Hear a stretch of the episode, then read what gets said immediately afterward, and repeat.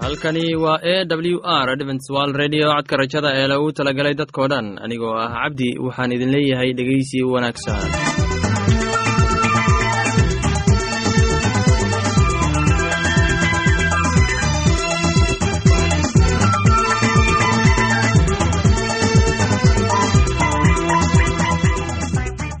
barnaamijyadeena maanta waa laba qaybood. Qaybta koowaad waxaad ku maqli doontaan barnaamijka caafimaadka kadib waxaa raaci doonaa cashar inaga imid bugga nolosha. Barnaamijyadeena maanta si wanaagsan unu dhegeysan doontaan haddii aad qabto wax su'aal ama tala. Iyo tusaale fadlan inala soo xiriir dib ayaynu kaga sheegi doonaa ciwaankayagu balse intaynan u guudagelin barnaamijyadeena xiisaa leh waxaad marka hore ku soo dhowaataan.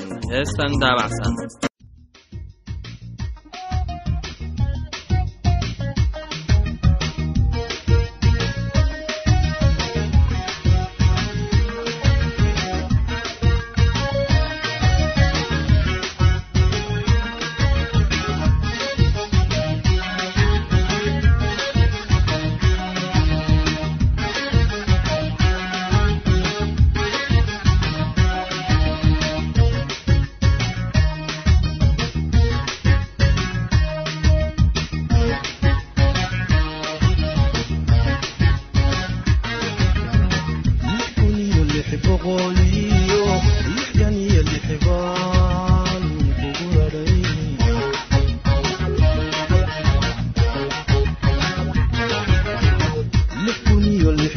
Molina.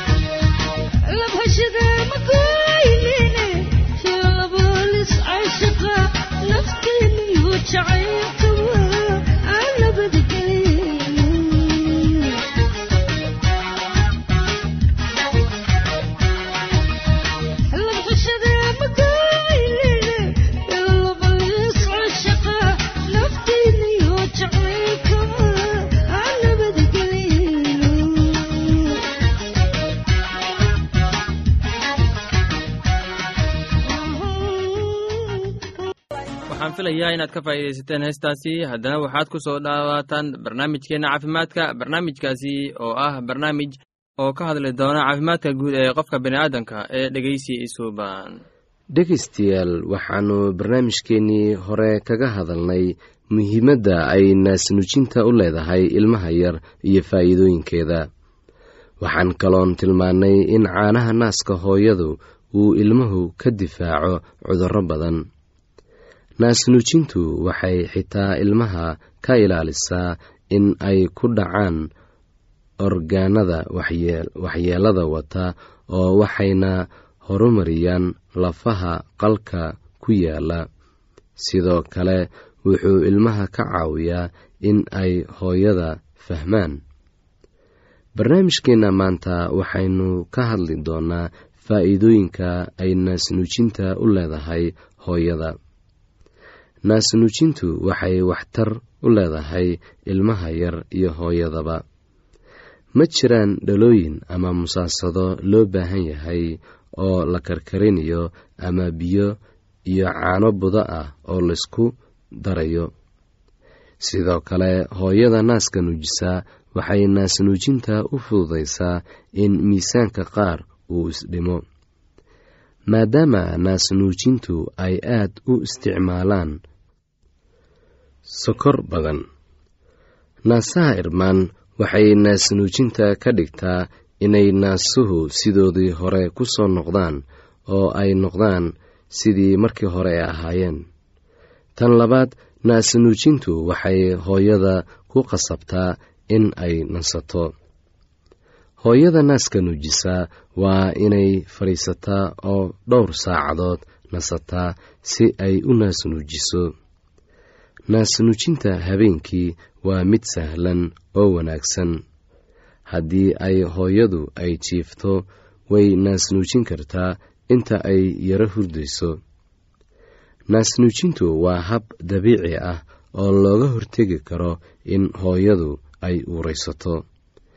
Inkastoo aysan ahayn mid laysku hallayn karo naasnuujinta isdaba joogga ahi waxay joojisaa in ogxanta hooyada ay la falgalaan biyaha manida ninka. Waxayna ka celisaa hooyada naaska nuujisa inay caado hesho ama ay rinto. Si kastoo ha ahaatee taasi ma aha mid la hubo. Saa darteed waa in haweenaydu ay isticmaashaa waxyaabaha ay kaga hortegi karto si aysan u uraysan inkastoo hooyada naaska nuujisa ay cunto wanaagsan ay qaadato oo ay isticmaasho galoris fara badan ee sokorta laga helo. Cuntada ay hooyadu isticmaashaa waxay ka jaban tahay qarashka lagu iibsado musaasadaha iyo caanaha qasacadaysan ee ilmaha loo soo iibiyo. Haddaba waxaa loo baahan yahay in hooyada naaska nuujisa ay qaadato cunto dhelitiran oo nafaqo wanaagsan leh. Sidoo kale waxaa loo baahan yahay in hooyadu ay aad u cabto cabitaan fara badan sida caanaha iyo shaha caddayska ah. Waxaana loo baahan yahay in ay qaadato digirta iyo gelleyda kuwaas oo runtii naasaha aada ugu wanaagsan oo caano badan ka keenaya. Haddaba waxaa loo baahan yahay in haweeneyda naaska nuujinaysa in aysan isticmaalin wax muqaadaraad ah sida qaadka iyo sigaarka waayo taa waxay dhib u keenaysaa caafimaadkeeda iyo kan ilmaha ay nuujinayso. Islamarkaana waxaa yaraanaya caanihii naaska ku jiray. Haddaba waa in hooyada ay mar walba ka taxadirtaa caafimaadka guud ee ilmaheeda iyo iyadaba. Waxaana loo baahan yahay haddii ay xanuunsato in ay mar walbo la kaashato dhakhtarada ku shaqada leh carruurta iyo haweenka.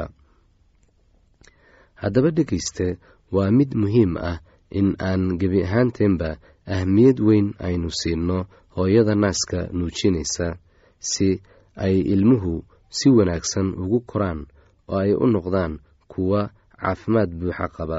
Waxaan filayaa inaad ka faa'iidaysateen barnaamijkaasi. Haddaba haddii aad qabto wax su'aal ama talo iyo tusaale fadlan inala soo xiriir. Ciwaanka yagu waa codka rajada sanduuqa boosada afar laba laba todoba lix nairobi kenya. Mar labaad ciwaanka yagu waa codka rajada sanduuqa boosada afar laba laba todoba lix nairobi kenya. Imeilka waa somali at a w r r g. Mar labaad imeilka yagu waa somali at a w r o r g. Ama haddii aad inala soo xiriiri rabtaan barta emesonka ciwaanka yagu oo ah codka rajada at hotmail dot com. Mar labaad codka rajada at hotmail dot com. Ama barta internetka hoyga oo ah w w w dot codka rajada dot o r g. Waxaad ka akhrisan kartaan falasha meesha ku jiraan iyo wixii kaloo barnaamij oo aad u moodid in ay ku anfici karaan haddana waxaad ku soo dhowaataan heestan daabacsan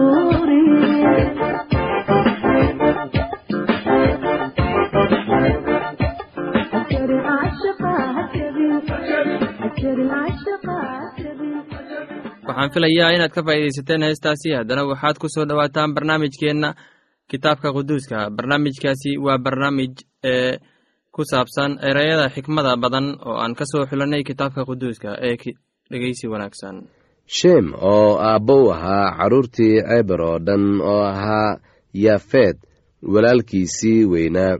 Isagana carruur baa u dhalatay. Wiilashiisii sheemna waxay ahaayeen ceelaam iyo ashuur iyo arfakasad iyo luud iyo aram. Wiilashii aramna waxay ahaayeen cuus iyo xuul iyo geter iyo maash arfaksadna wuxuu dhalay saalax. Saalaxna wuxuu dhalay ceeber ceeberna waxaa u dhashay laba wiil. Mid magaciisa wuxuu ahaa feleg waayo waagiisii ayaa dhulka qaybsamay. Magaca walaalkiisna wuxuu ahaa yoqtaan.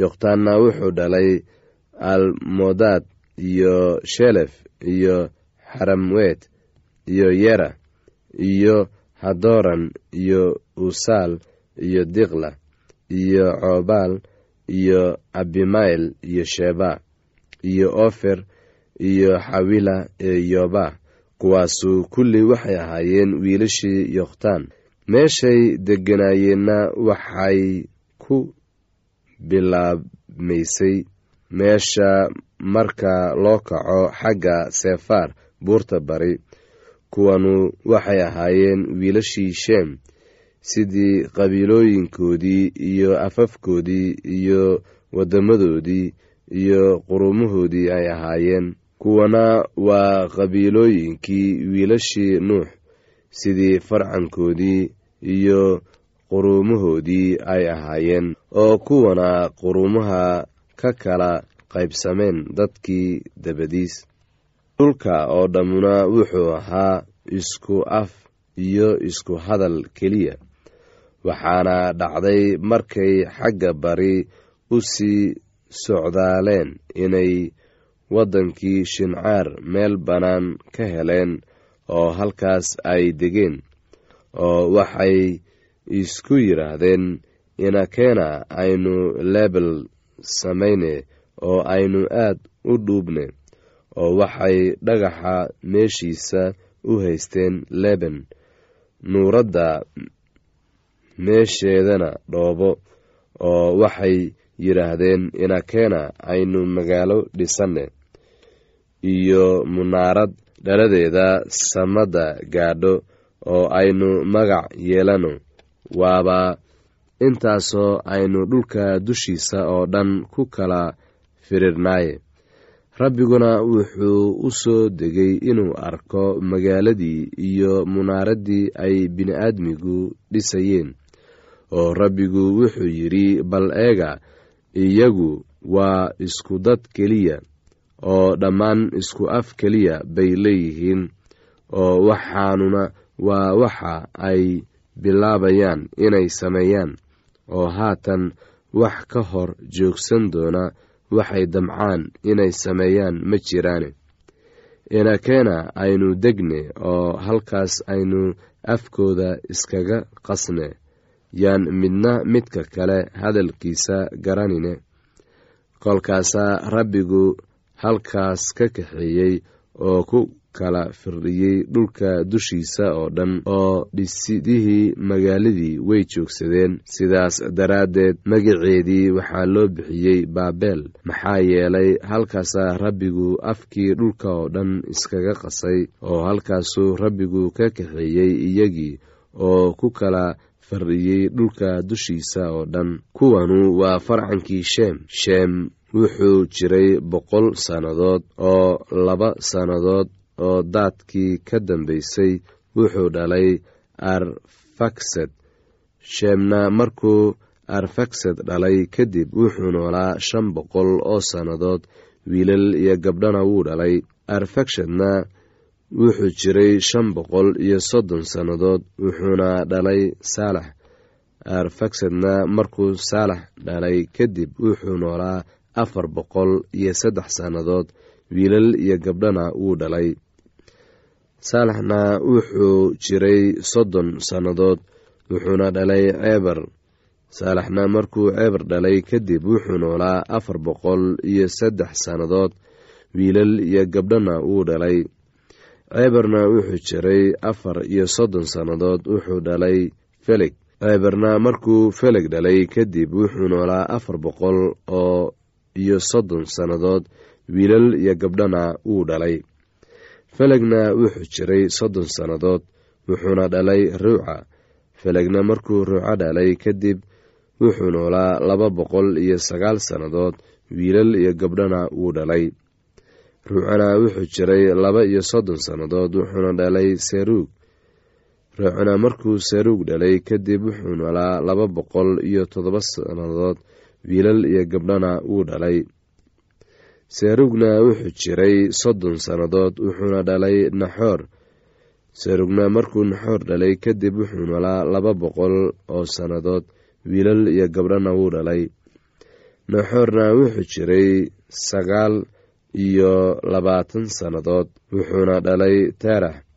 Naxoorna markuu teerax dhalay kadib wuxuu noolaa boqol iyo sagaal iyo toban sannadood wiilal iyo gabdhana wuu dhalay. Teeraxna wuxuu jiray toddobaatan sannadood wuxuuna dhalay abram iyo naxoor iyo haram kuwanu waa farcankii teerax teeraxna wuxuu dhalay abram iyo naxoor iyo haram haranna wuxuu dhalay luut.